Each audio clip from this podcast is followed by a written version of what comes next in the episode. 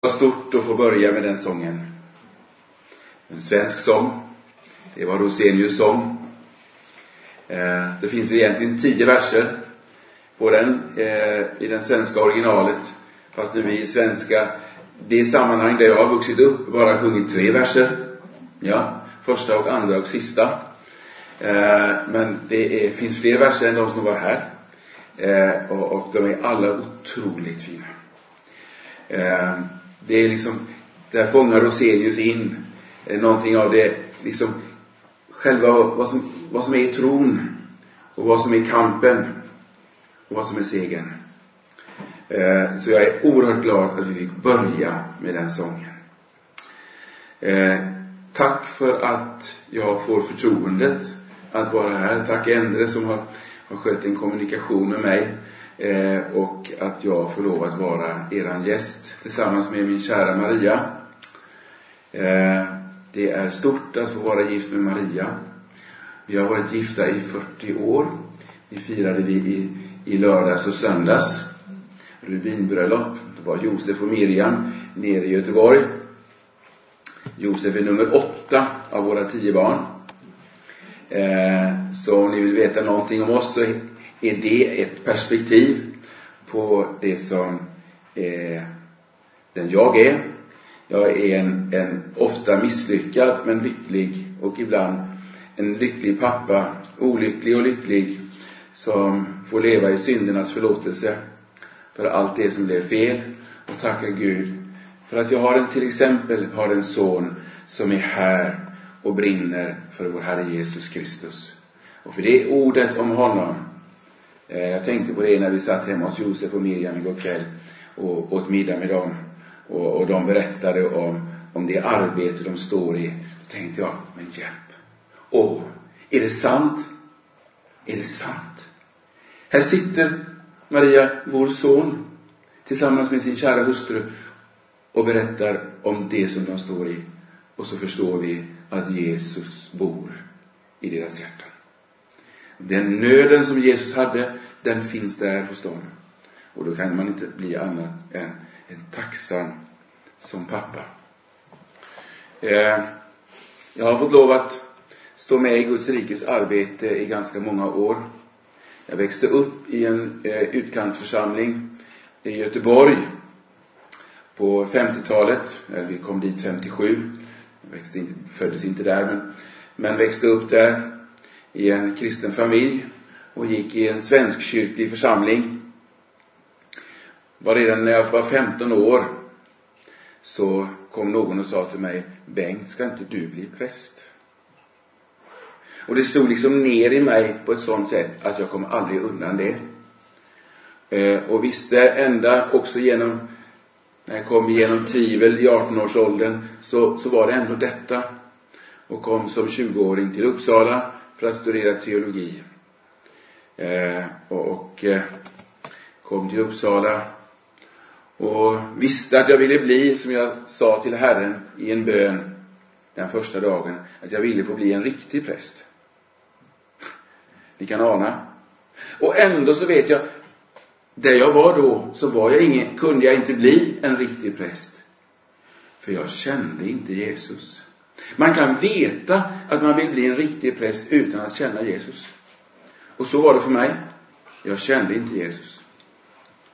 Men en, eh, en som kom att bo i samma studentkorridor som jag i Uppsala, han, eh, han kände Jesus. Och han tog mig med in i den rosenianska tradition.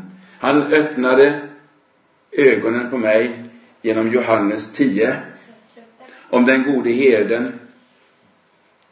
Och, Eh, och så fick jag börja lära känna honom. Så jag tror att jag vågar säga, han är min allra bäste vän. Han är min herde. Vi sjöng om, om herden. Eh, och, och, eh, och sen har jag fått lov att vara präst i 43 år. Eh, och eh, fått stå i ett arbete i Sverige och i Norden. Jag är ganska ofta också i Norge, i Finland, ibland i Danmark. Och, och fått stå tillsammans både i det kristna skolsammanhanget. Så Johannes, som jag är här någonstans, vi har mötts i det kristna nordiska skolsamarbetet några olika gånger när jag arbetade som skolledare i Göteborg. Eh, har också fått vara med om att, att i, i den, den fullständiga och totala nedgång och, och förödelse av Svenska kyrkan som äger rum, som har många paralleller till den norska, norska kyrkan, eh, så jag har fått vara med om ett arbete som vi kallar för missionsprovinsen. Eh, och som är på något sätt en, en, en, en kyrklig alternativ struktur ut, där strax utanför Svenska kyrkan. För att få lov att vara få lov att fira gudstjänst i ande och sanning, för att få lov att förkunna evangeliet, kunna ta emot de unga män som vi förstår att Gud kallar till helig tjänst. Jag finns med i ett sammanhang i Göteborg som heter Församlingsfakulteten, som eh, har funnits nu i 20 år eh, och, fått vara med om att starta det där. Och, där vi utbildar i sann, hoppas vi, vill, vi vill tro att det är i sann teologi. Eh, en grundläggande, en treårsutbildning i teologi men som inte ger behörighet att bli präst i Svenska kyrkan därför att det är inte rätt teologi. Men eh, där eh, har vi fått se så många unga män fått liksom komma fram och vi lärt känna och förstå att här finns en kallelse från Herren. Han vill ha dem i sin tjänst. Han vill att de ska förkunna hans ord. Och i det sammanhanget har vi fått lov att också då bilda missionsprovinsen och som eh, är ett nätverk av församlingar eh, eh, i Sverige, i Finland och en del också i Norge. Men det ska jag inte gå in på nu. Gud är vår tillflykt och vår starkhet, en hjälp i nöden, väl beprövad. Så står det i den svenska översättningen av den första versen i Saltar, salmen 46. Den gav vår äldste son eh, oss, Maria och mig och oss andra som firade högtid i lördags. Eh, som ett ord att så höll han en liten andakt kring det ordet. Eh, Gud är vår tillflykt, säger psalm, psalmisten. Ko, eh, Koras söner. Eh, Gud är vår tillflykt och vår starkhet, en hjälp i nöden, väl beprövad. Det är ett oerhört viktigt perspektiv på psalmernas bok. Att här få, att få lov att komma och säga Herren, Herren är min tillflykt. Och hela, sal, hela vi säger saltaren, så jag kommer att, när ni hör mig säga saltaren så menar jag psalmernas bok. Eh, hela saltaren är fylld av detta, denna förtröstan. Det är själva det här förtröstansperspektivet. I tillit till Gud som min tillflykt. Och psalm, psalmernas bok är i sig ett, ett, en, eh, ett skeende. Det är en tillflykt. Här sker tillflykten till Herren. Och samtidigt som den är fylld av lovsånger därför att Gud har gjort det, det han har lovat. Eller jag får våga tro att han kommer att göra det som jag har bett om. Jag tänker att, att de flesta av er är väl bekanta med Saltaren. Åtminstone mer eller mindre. Eh, ta ett sådant ord som Herren är min herde. Mig ska inget fattas. Jag tänker att många av er kan hela den salmen, herdesalmen utan till. Herren är min herde, min herde. Mig ska inget fattas. Eller eh, en sådan psalm som, som Jag lyfter mina ögon upp till bergen. Varifrån ska min hjälp komma? Nu är vi inne på välkända ord. Detta behöver jag inte tala om för er. Jag vill bara liksom ta, lyfta upp det. Där har vi varit, tänker jag, ni, mina kristna syskon här. Vad heter det i Nordtröndelag? Heter det så? Ja. Eh, jag lyfter mina ögon upp till bergen. Ja, ni har massor av berg runt omkring. Men jag tänker att det här ordet handlar om, jag lyfter mina ögon upp till bergen. Kanske berg av svårigheter. Varifrån ska min hjälp komma? Vem av oss har inte svårigheter? Kanske någon av er har svårigheter med att förstå min svenska. Och jag hoppas att ni som är till exempel Josef, att du, du hojtar eller skriker till om jag säger ett ord på svenska som du förstår att, att, att eh, man i Norge inte har så lätt för. Får du gärna göra det. För, och jag blir inte ledsen. Eh, men jag vill, jag, det är angeläget om att språkundret får ske. Och att ni kan förstå vad jag vill säga.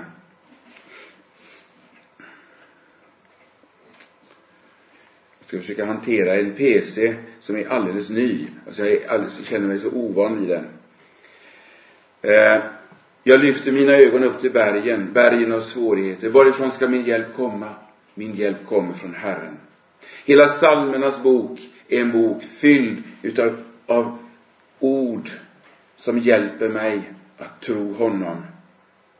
För det är tron det handlar om. Kristenliv är trosliv. Det är tron. Men psalmernas bok hjälper mig att tro. Men också ge uttryck för min nöd. Säkerligen har många av er vandrat genom Saltaren eller psalmernas bok nummer 119. Den längst, det längsta kapitlet i Bibeln. 176 verser. 106 och 70. Det är mycket. Uppdelat i 22 delar gånger 8 verser. En, ett avsnitt för varje bokstav i det hebreiska al alfabetet. Där mitt i någonstans, där finns 100, psalm 100, vad heter det, vers 105. Ditt ord är mina fötters lykta och ett ljus på min stig. Välkänt. Ni har varit där. Därför att och det har blivit kärt, ett sådant ord. Därför att ordet är kärt. Kanske somliga av er har varit inne vid det där ordet. Detta är den dag som Herren har gjort. Så kan vi säga om varje dag. Vi kan säga det alldeles särskilt om påskdagen. När han uppstod från de döda. Och vi firar det år efter år. Detta är den dag som Herren har gjort. Låt oss på den fröjdas och vara glada. Vi är då i Psaltaren 118. Där det står också om, om, om, eh, om honom som var stenen som byggnadsmännen förkastade och som har blivit en hörnsten. Och underbart är det i våra ögon, säger psalmisten. En eh, långfredagsmorgon för många år sedan när vi var prästfolk i Småland, Maria och jag, och Josef var ännu inte till, så ringde en av de gamla predikanterna i nordöstra Smålands missionsförening. Så ringde han, han var, han var väl ungefär, ungefär 50 år äldre än jag. Men vi hade fått bli så goda vänner, gamle Helge Johansson och jag och han och hans hustru och vi. Han ringer han på långfredagsmorgon och säger Detta är den dag som Herren har gjort. Låt oss på den fröjdas och vara glada. Långfredag. Detta är den dag som Herren har gjort. Stämmer det? Ja. Det är ju den stora dagen då det skedde. Och börjar man vandra djupt in i saltaren så ska man märka att hemligheten med långfredagen, den ligger där och går som en röd tråd genom hela saltaren. Och det ligger här och var så går det upp liksom i väldigt synliga delar. Men det ligger där hela tiden som den verkligt röda tråden. Detta är den dag som Herren har gjort. Låt oss på den fröjdas och vara glada. Det finns ingenting som är så stort som den dagen då förlåten, eller det stora draperiet i templet, när det rämnade och vägen in i det allra heligaste var öppen. Så att du och jag får lov att som konungsligt prästerskap, heter det så på norska? Konungsligt prästerskap. Får lov att gå in, in till Herren. Vi får gå ända in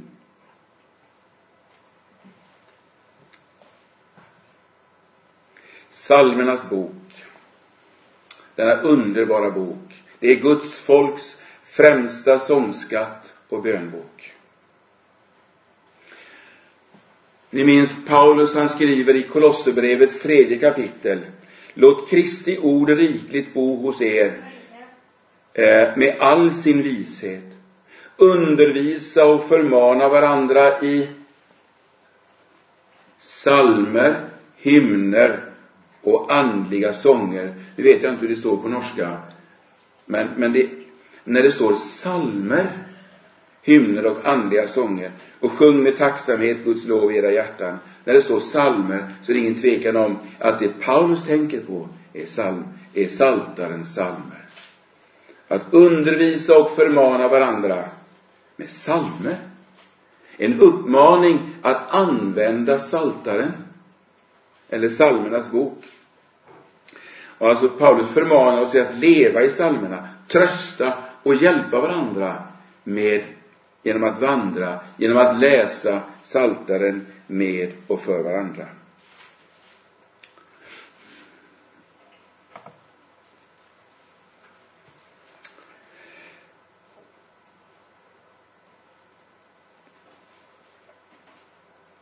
Ja,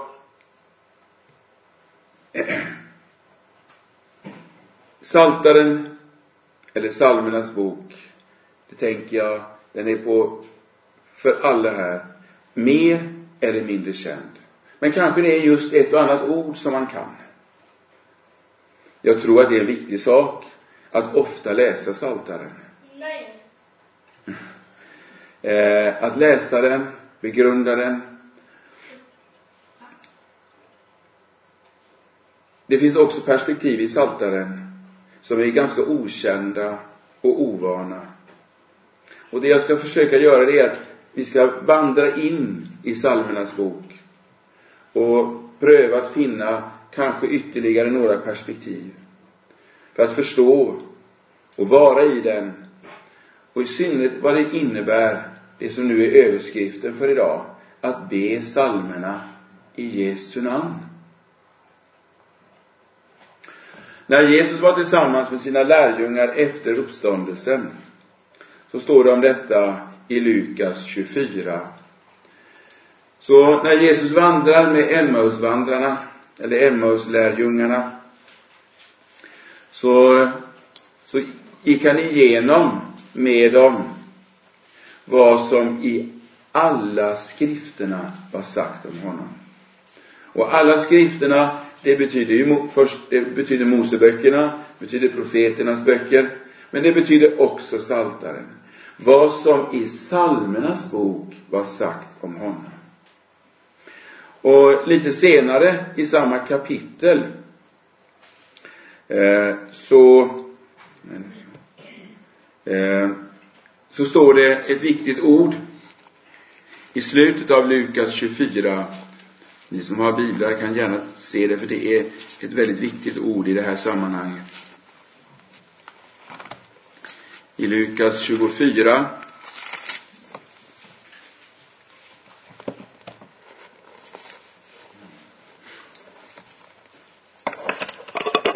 Där står det från vers 44. Och han sade till dem, detta är vad jag sa till er medan jag ännu var hos er. Allt måste uppfyllas som är skrivet av mig i Mose lag, hos profeterna och i psalmerna. Hörde ni? Vad som är skrivet om mig i Mose lag, hos profeterna och i psalmerna. Och sedan så öppnade han deras sinnen så att de förstod skrifterna. Och han sa till dem, det står skrivet att Messias ska lida och på tredje dagen uppstå från de döda och att omvändelse och syndernas förlåtelse ska predikas i hans namn för alla folk med början i Jerusalem. Jesus talar alltså dels om att det är skrivet om honom i psalmernas bok. Han öppnar deras sinnen till att förstå. Det är alltså ingen självklarhet att man ser och förstår vad som står i Saltaren. Men han öppnar deras sinnen. Och så gör Jesus med sina lärjungar. Om de följer, går liksom med honom in i Saltaren så ska de förstå Saltaren. Eh, och, eh, och det de ska få förstå, det är att han måste lida och dö.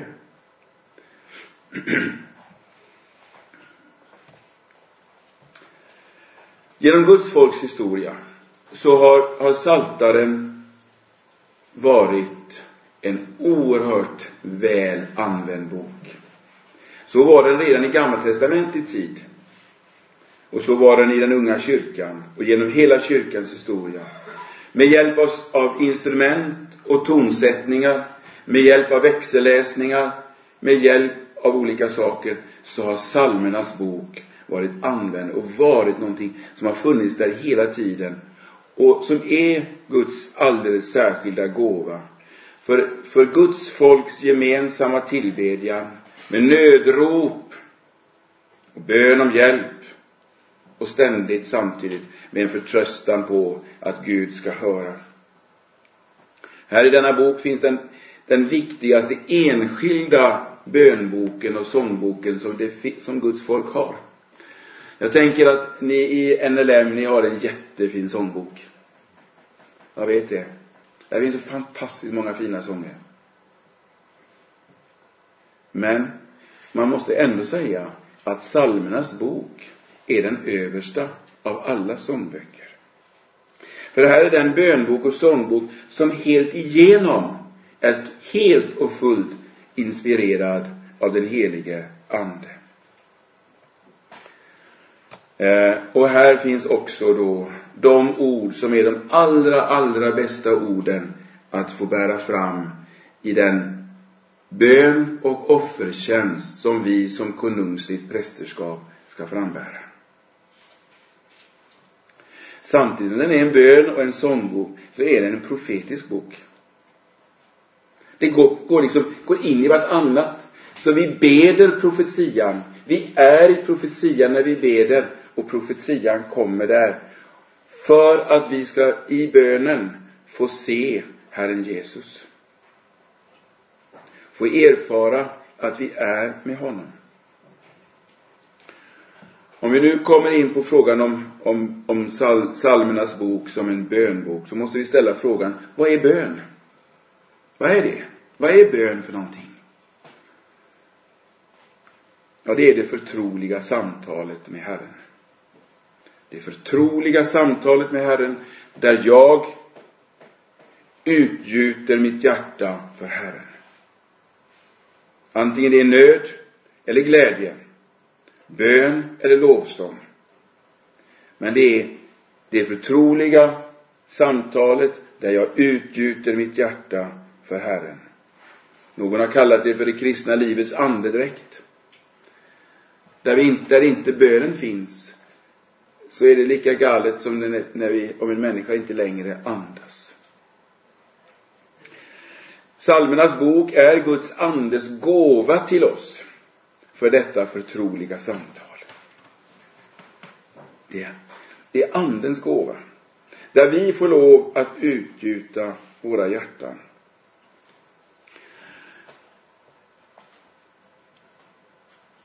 I Nya Testamentet kan vi läsa om Jesus och hans nattliga böner. Han kunde vara en hel natt i bön. Vad tror ni, vad tänker ni att han hade för böneord?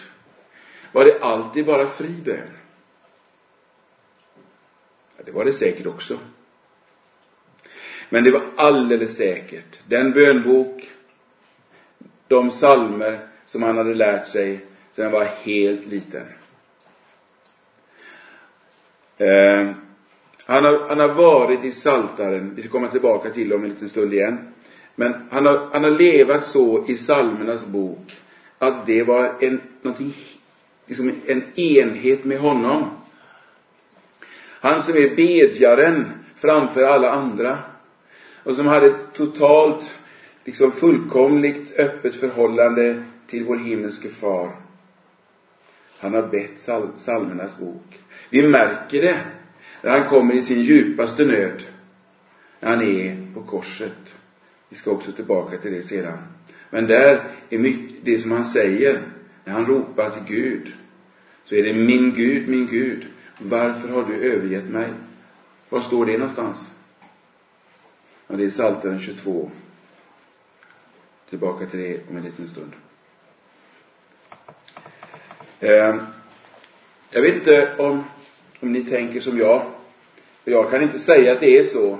Men jag tänker så här. Att när det står om Paulus och eh, Herren säger till sin tjänare Ananias Se, han ber. Ni minns när, när Paulus hade kommit efter Damaskusupplevelsen in till, till Damaskus.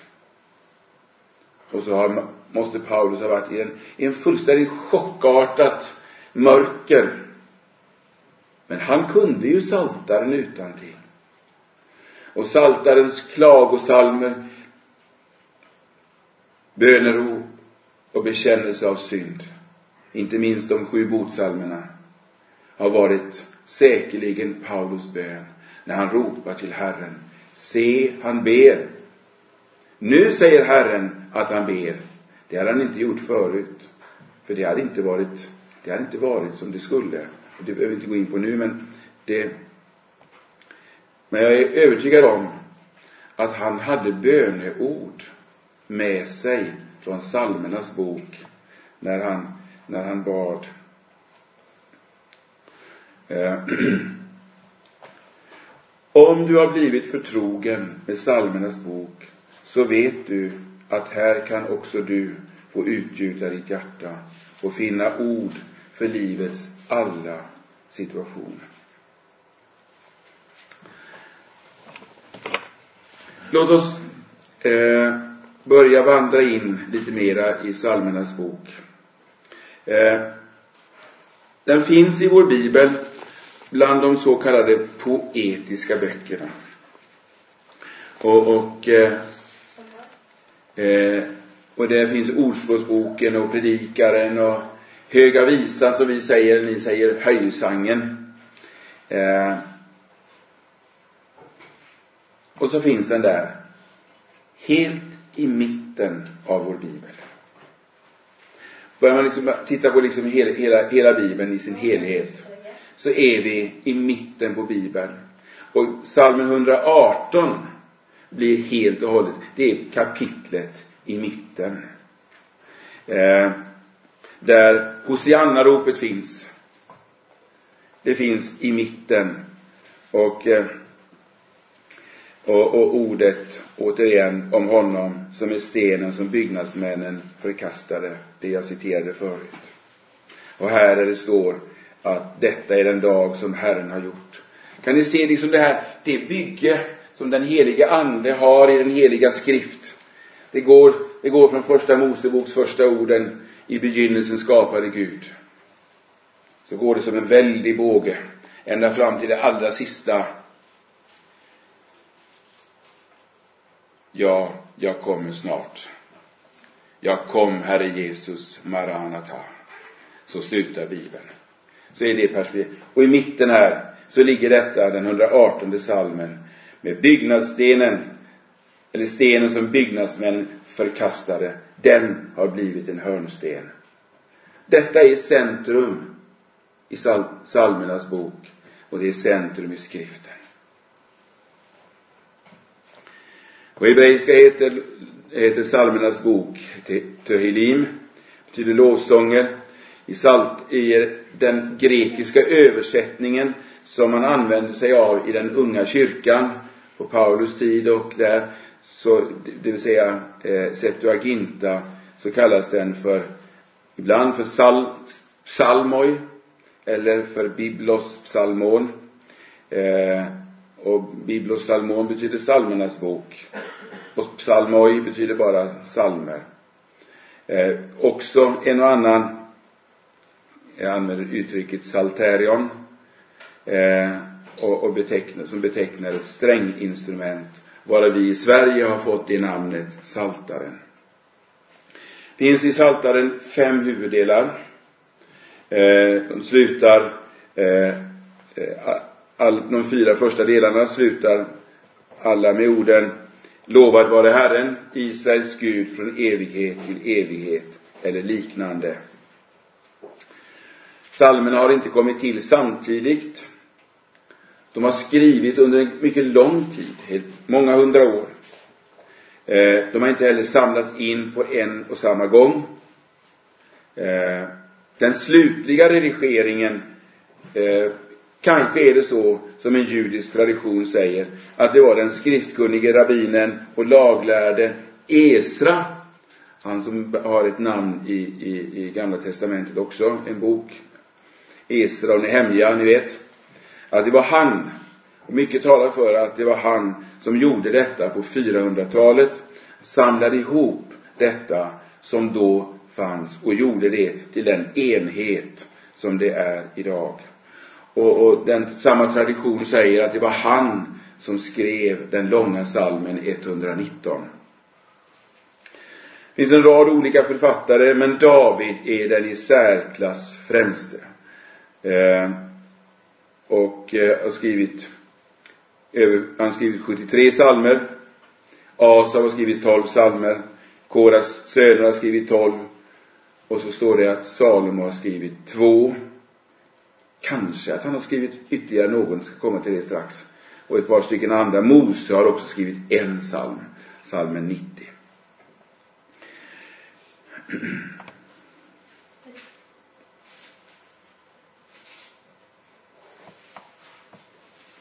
Nej. Ursäkta min klantighet här. Saltaren citeras 75 gånger i Nya Testamentet. Och som, som alldeles tydligt markerar att Nya Testamentet med Herren Jesus själv i spetsen håller saltaren för att vara Guds ord. Att vara inspirerad av den helige Ande. Vi kan ju slå upp ett sådant ställe som där, det, där, vi, där det blir väldigt tydligt. I Matteus evangeliets 22 kapitel i den sista, allra sista avsnittet där. Matteus evangelium kapitel 22.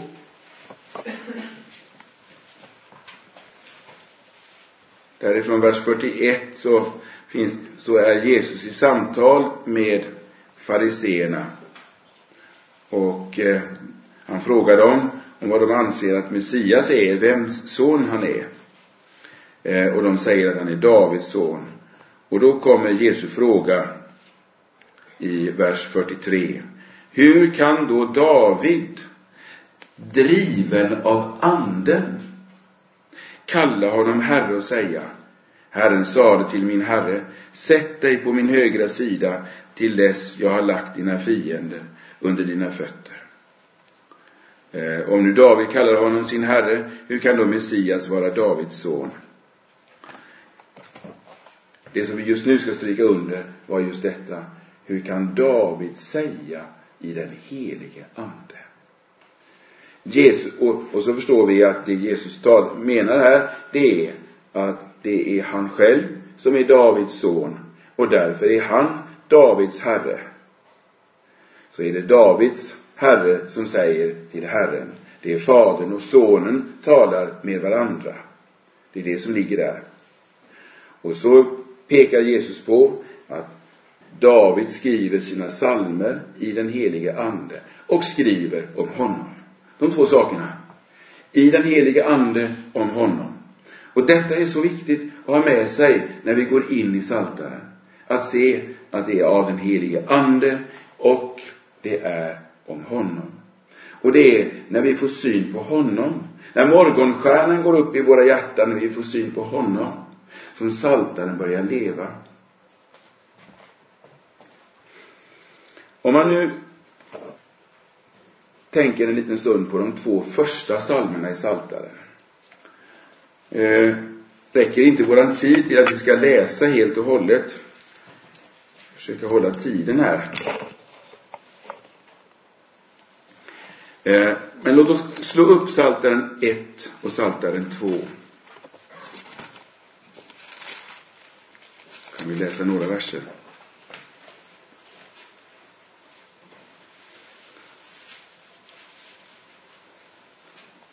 När du är bibelläsare så tänker jag att du är van vid att och vet vad som står i den första psalmen. Om detta om att salig är den som inte följer de ogudaktigas råd, inte går in på syndares väg eller sitter bland bespottare utan har sin glädje i Herrens undervisning och begrundar hans ord dag och natt. Han är som ett träd planterat vid vattenbäckar, vilket bär sin frukt i rätt tid och vars blad inte vissnar. Allt vad han gör lyckas väl. Och så kontrasteras detta mot den ogudaktige och den ogudaktiges väg där det inte lyckas väl. Där allting slutar i fördärv. Två helt olika vägar målas. Den rättfärdige och den ogudaktige. Den rättfärdige som har sin glädje i Guds ord och den olycklige, den ogudaktige som blir den olycklige och som är alldeles annorlunda. Han vill inte vara i Guds ord. Han har inte där sin källa. Eh, och så kommer den andra salmen. Den är ju i allra högsta grad en, en, en avgörande psalm om Jesus.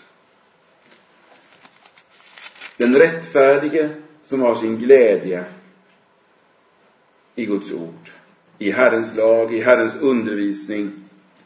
Han är här i den andra salmen för in till vem? Vem handlar den andra salmen om? Jo, om, om sonen. Det står till exempel i vers 6. Det är jag som har insatt min konung på Sion, mitt heliga berg.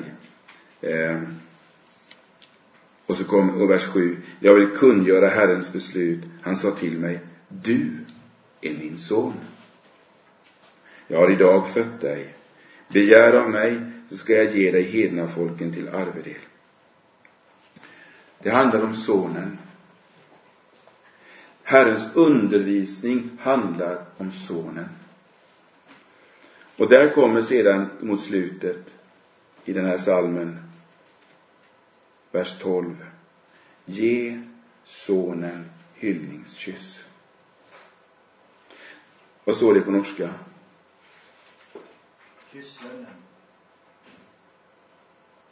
Så att han ej blir vred och ni går under på er väg. Ty snart kan hans vrede upptändas. Saliga är alla som flyr till honom. De rättfärdiga är inte de rättfärdiga därför att de är så, är så goda, utan därför att de flyr till Sonen. Det är själva saken.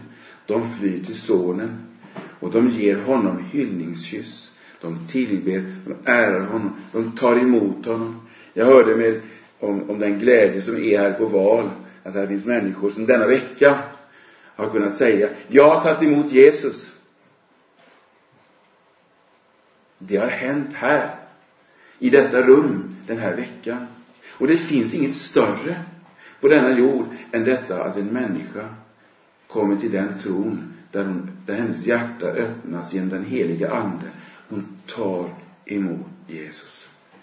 Flyr till honom, hyllar honom som sin frälsare. Salmen 1 och salmen 2 har inte någon överskrift om författ med författarnamn. Men en tanke, det är att detta är Salomo. Som skriver detta när han vill samla ihop sin pappas salmer.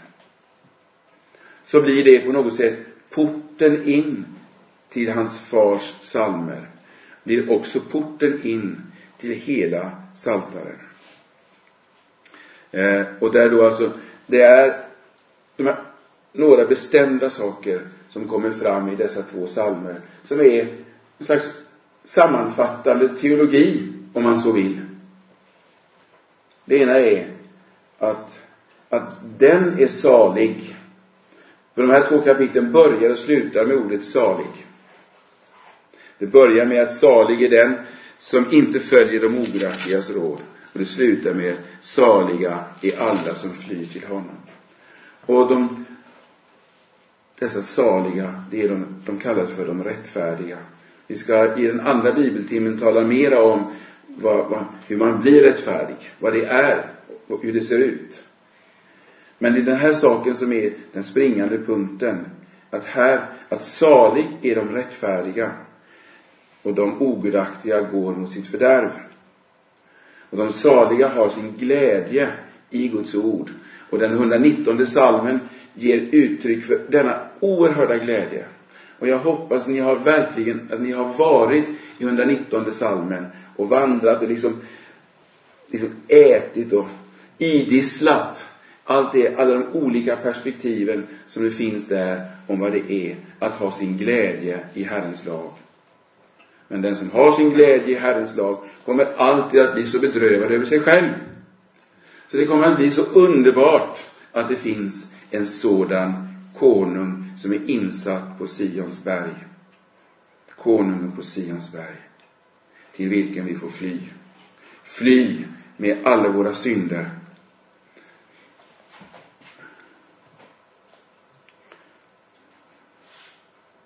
Men det är också väldigt tydligt i den här inledningen. I inledningen till den andra salmen. Om det, om fienderna. Och vad är fiendernas eh, så att säga, yttersta angelägenhet? Det kommer fram i den första versen där, första två verserna. Och det är Låt oss kasta av oss hans ok. Låt oss bli befriade från denne konung. Vi vill inte ha med honom att göra. Det är den fientliga makten som allt Guds folk i alla tider har att strida emot.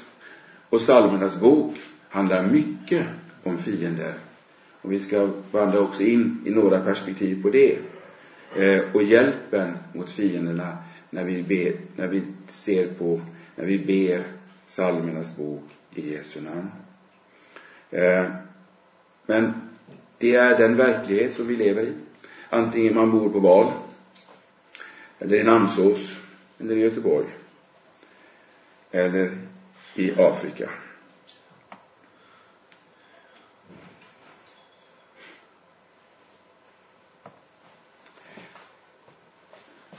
Jag kan hålla på en liten stund till. Säg hur många minuter? Ja, några minuter. Några minuter.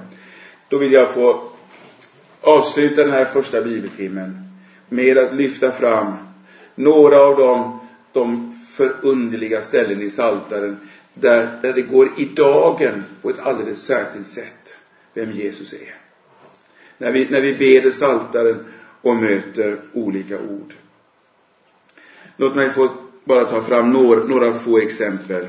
Eh, vi kan börja eh, i, i kapitel 8.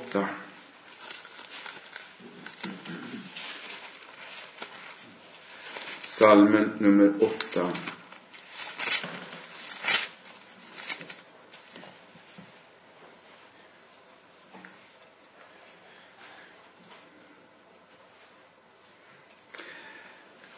Den salmen finns citerad i Nya Testamentet på flera ställen. Men första gången den citeras, och det är när Jesus är i templet. När han har ridit in i Jerusalem och där inne i templet så har han rensat templet. Och så kommer barn som börjar ropa Hosianna och, och, och gläder sig över honom. Och så kommer det skriftlärde och präster som säger Tysta ner dem, de får inte ropa så. Tysta ner dem. Och då säger Jesus, citerar han härifrån i en översättning som, som vi kanske inte, om man citerar på vilket sätt han gör det riktigt, det är svårt att säga. För det är inte ordagrant som det står här. Men det är ändå det ordet han hänvisar till. Av barns och, och, och spädbarns mun har du upprättat en makt för dina ovänners skull till att förgöra fiende och hämnare. Barnens lovsång till Jesus försvarar Jesus med citat ifrån Saltaren 8. Vi kan gå till Saltaren 16. Kapitel Salmen 16.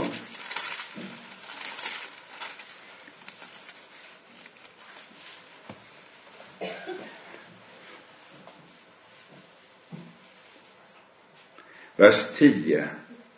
Ty du ska inte lämna min själ åt dödsriket. Du ska inte låta din fromme se förgängelsen. Det citerar Petrus. Nej, Jesus såg aldrig förgängelsen. Han eh, uppstod på tredje dagen.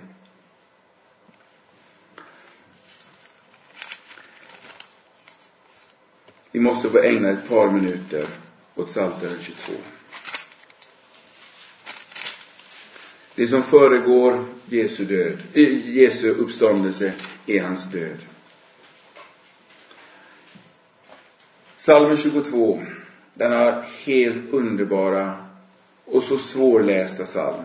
För det är så svårt att läsa. Jag, jag lider varje gång jag läser den. Tycker det är så hemskt. Men det är så dyrbart. När Jesus ropar på Golgata kors, min Gud, min Gud, varför har du övergivit mig? Lema, lema sabachthani. Äh, eh, Eloi, Eloi, lema sabachthani. Varför har du övergett mig? När han citerar de verserna, den versen, så är det säkert på det sättet att Jesus menar att han med, med detta vill peka på hela salmen. Här är hemligheten med hans död. Eh, Salmen 22 är delad i två delar. Den första delen är på flera olika ställen nästintill en, en bokstavlig beskrivning av det som händer på Golgata. Eh, i, ta till exempel i eh, vers eh, 7 och följande. Jag är en mask och inte en människa, hånad av människor, föraktad av folket. Alla som ser mig hånar mig, de spärrar upp munnen, de skakar på huvudet. Anförtro dig åt Herren, han ska befria honom och rädda honom. Han har ju honom kär. Och vi vet vad, vad folket gjorde där vid korset, när de står där. Eh, och det som kommer längre fram i vers, ja, man kan ta nästan vad som helst. Vers 15. Jag är lik vatten som hälls ut. Alla mina leder har skilts åt. Mitt hjärta är som vax, det smälter i min mun. Min kraft är uttorkad som en lerskärva. Eh, I andra delen i vers 17.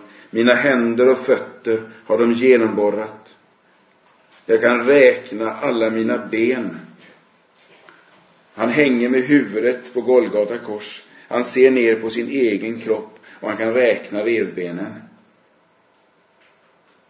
De ser på mig, de stirrar. Och så kommer det, det som gick i uppfyllelse alldeles bokstavligt.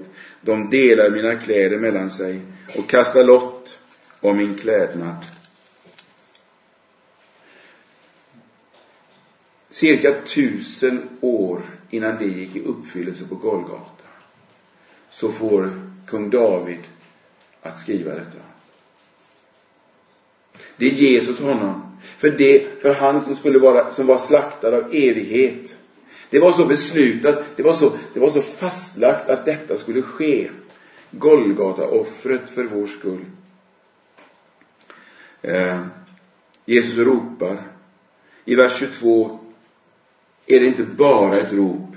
Där finns det liksom, går ropet över i förtröstan. Du bönhör mig. Vad kommer sen? Jo, bönhörelsen är ju hans uppståndelse. Gud bönhör sin son på Golgata kors. med att uppväcka honom från de döda. Och sen är det bara att läsa från vers 23 och framåt. Så är det ingenting annat än hur Jesus själv, mitt i sin församling, på jorden i, i, ända ifrån första början, ända fram till den sista dagen. Hur han i sin församling, genom sina tjänare, ordets tjänare, förkunnar att det har skett. Jag ska förkunna ditt namn för mina bröder, mitt i församlingen ska jag lovsjunga dig. Ni som fruktar Herren, lova honom, och så vidare. Och så bara, bara peka på till sist här.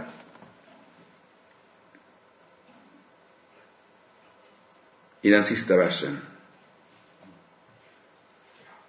De ska träda fram och förkunna hans rättfärdighet för det folk som ska födas att han har gjort det.